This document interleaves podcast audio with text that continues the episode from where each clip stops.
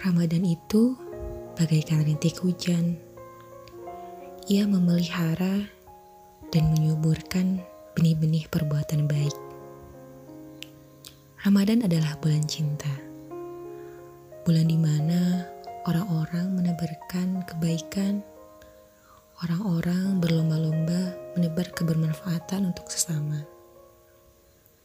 Ramadan adalah bulan Al-Quran, bulan di mana orang-orang disibukkan untuk membaca, mentadaburi, dan menghatamkan Al-Qur'annya. Terima kasih Allah, Engkau masih memberikan kita untuk bertemu di bulan yang sangat suci ini. Bulan yang selalu kita rindu-rindukan dan selalu kita nantikan. Dan bulan yang penuh dengan keberkahan.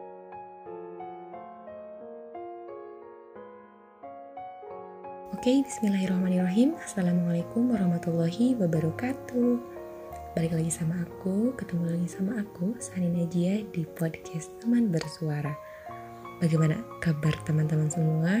Bagaimana kabar puasanya? Lalu bagaimana kabar agenda di rumah ajanya? Semoga kabarnya selalu baik, selalu sehat, selalu dalam lindungan dan penjagaan Allah. Lalu puasanya tetap semangat, waktu ketika berpuasanya diisi sebaik mungkin dan seproduktif mungkin dan agenda di rumah ajanya terrealisasi dengan baik.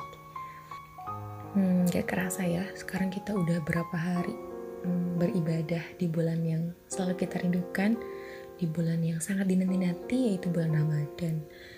Tapi bulan Ramadan sekali ini berbeda ya dengan bulan Ramadan seperti biasanya. Saat ini kita ibadahnya harus tetap di rumah, dan serba di rumah. Tapi meskipun serba di rumah bukan berarti menghilangkan esensi dari bulan Ramadan itu. Tetap selalu menebar kebaikan, menebar cinta dan kasih sayang, dan menebar kebermanfaatan. Oke teman-teman, teman-teman pernah mendengar istilah nggak?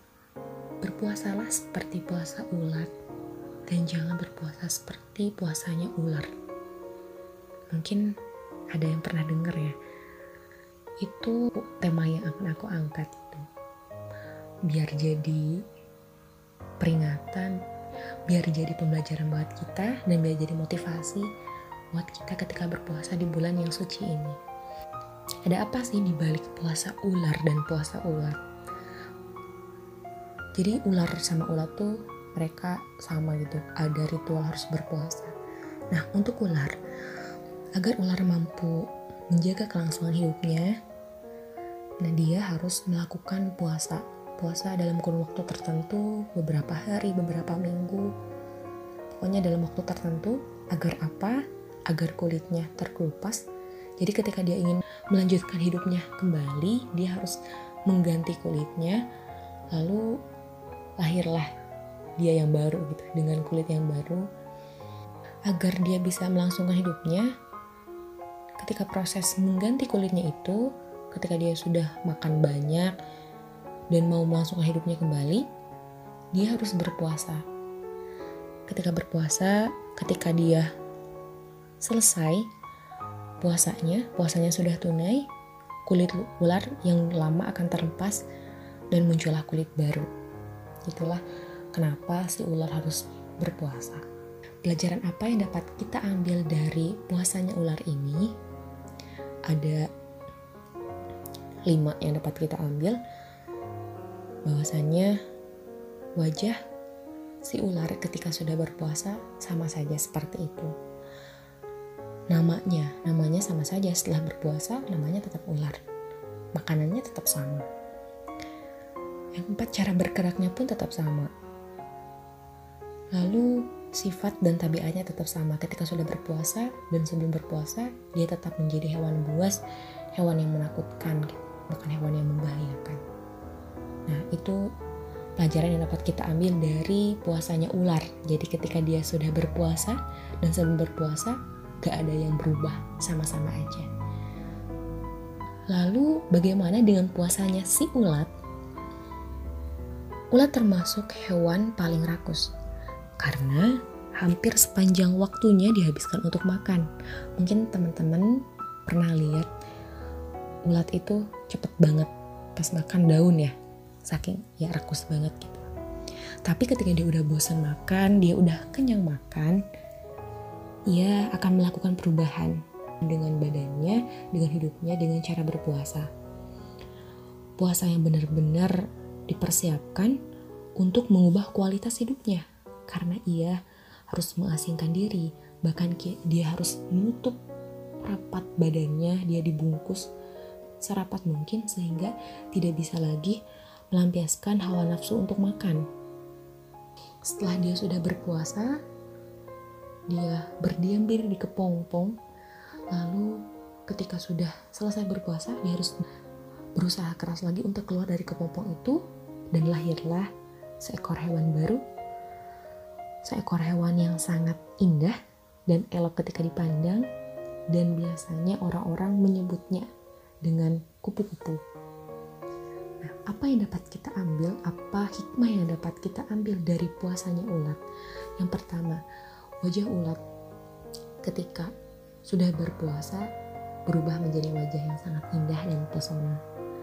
Nama ulat pun berubah menjadi kupu-kupu. Makanan ulat pun berubah.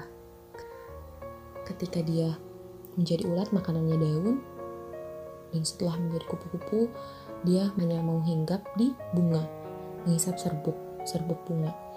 Lalu cara bergeraknya, Ketika menjadi ulat dia hanya bisa menjalar dan ketika menjadi kupu-kupu dia terbang. Terbang tinggi. Dan yang terakhir, sifat dan tabiatnya. Kita bisa melihat ulat sesudah dan sebelum berpuasa. Sebelum berpuasa, ketika menjadi ulat, sifat dan tabiatnya hanyalah menjadi perusak. Kehadirannya pun tak dirindukan, bahkan mungkin orang jijik melihatnya, bahkan biasanya orang menyebutnya hewan ini adalah hama. Hama makan tumbuhan. Jadi kehadirannya pun harus dihilangkan gitu. Sedangkan ketika ulat ini sudah berpuasa dia berubah menjadi kupu-kupu kupu-kupu menghidupkan dan membantu kelangsungan kehidupan tumbuhan dengan cara membantu penyerbukan bunga jadi kita bisa mengambil pelajaran bahwasanya ulat ketika sudah berpuasa berubah menjadi sesuatu yang indah dia bermetamorfosa menjadi kupu-kupu yang indah dan mempesona. Nah, kenapa ada istilah berpuasalah seperti puasanya ulat dan jangan berpuasa seperti puasanya ular? Bisa langsung mengambil hikmah dari analogi tadi juga udah udah, udah dapat gitu, udah dapat langsung esensinya bahwasannya ya pada bulan Ramadan ini kita diberikan pilihan. Ketika sudah melewati ibadah ini apakah kita akan terus seperti ini? Kita akan menjadi orang yang gitu-gitu aja atau akan terus berusaha bermetamorfosa berproses menjadi lebih baik lagi? Mungkin dari sekarang mari kita sama-sama saling menasehati sama-sama memperbaiki lagi memperbarui niat terus menuliskan kembali tujuan kita bahkan target-target di bulan Ramadan ini mau apa aja mari kita tuliskan dan kita realisasikan bersama-sama. Dan perlu diingat juga bahwasannya Ramadan bukanlah hanya tentang berhenti dari kebiasaan buruk untuk sementara waktu tetapi Ramadan adalah titik awal kita untuk menjadi pribadi yang lebih baik dan berusaha untuk terus selamanya menjadi baik. Oke, segitu dulu mungkin ya dari aku. Mudah-mudahan bermanfaat. Dan kita selama Ramadan di tahun ini Ramadan yang berbeda Ramadan yang istimewa. Kenapa aku nyebutnya istimewa? Karena apa? Sekarang kita bisa mengambil hikmah bisa mengambil pelajaran yang banyak sekali. Saat dulu mungkin belum sadar nikmatnya waktu senggang, waktu sehat, nikmatnya beribadah dengan fasilitas yang ada dan sekarang ya kita merasakannya gitu. Bagaimana oh ternyata ibadah dengan berbagai fasilitas yang ada itu sangat nikmat. Dan sekarang Allah mengujinya dengan mencabut rasa nikmat itu. Bahkan sekarang ada yang sakit sedikit dicurigai terkena virus apalah gitu. Dan sekarang kita menyadari betapa berharganya nikmat sehat itu. Terus waktu senggang sekarang mungkin kita bosen ya bosan banget ya waktu kita tuh liburnya banyak banyak-banyaknya di rumah. Dan dulu padahal kita pernah ngeluh gitu pernah ngeluh kapan sih aku istirahatnya? Dan sekarang Allah ngasih ini. Ya intinya sih kita harus berusnuzon kita harus senantiasa mengambil hikmah dari semua kejadian yang ada. Hmm, ya tadi udah penutupan ya. Pokoknya kita semua berharap semoga puasa kali ini bisa mengisi iman kita kembali memperbaharui iman kita kembali lalu tetap semangat berpuasanya meskipun ibadah di rumah jangan pernah menghilangkan esensi dari bulan Ramadan itu. Tetap di rumah aja selalu jaga kesehatannya semangat berpuasanya. Wassalamualaikum warahmatullahi wabarakatuh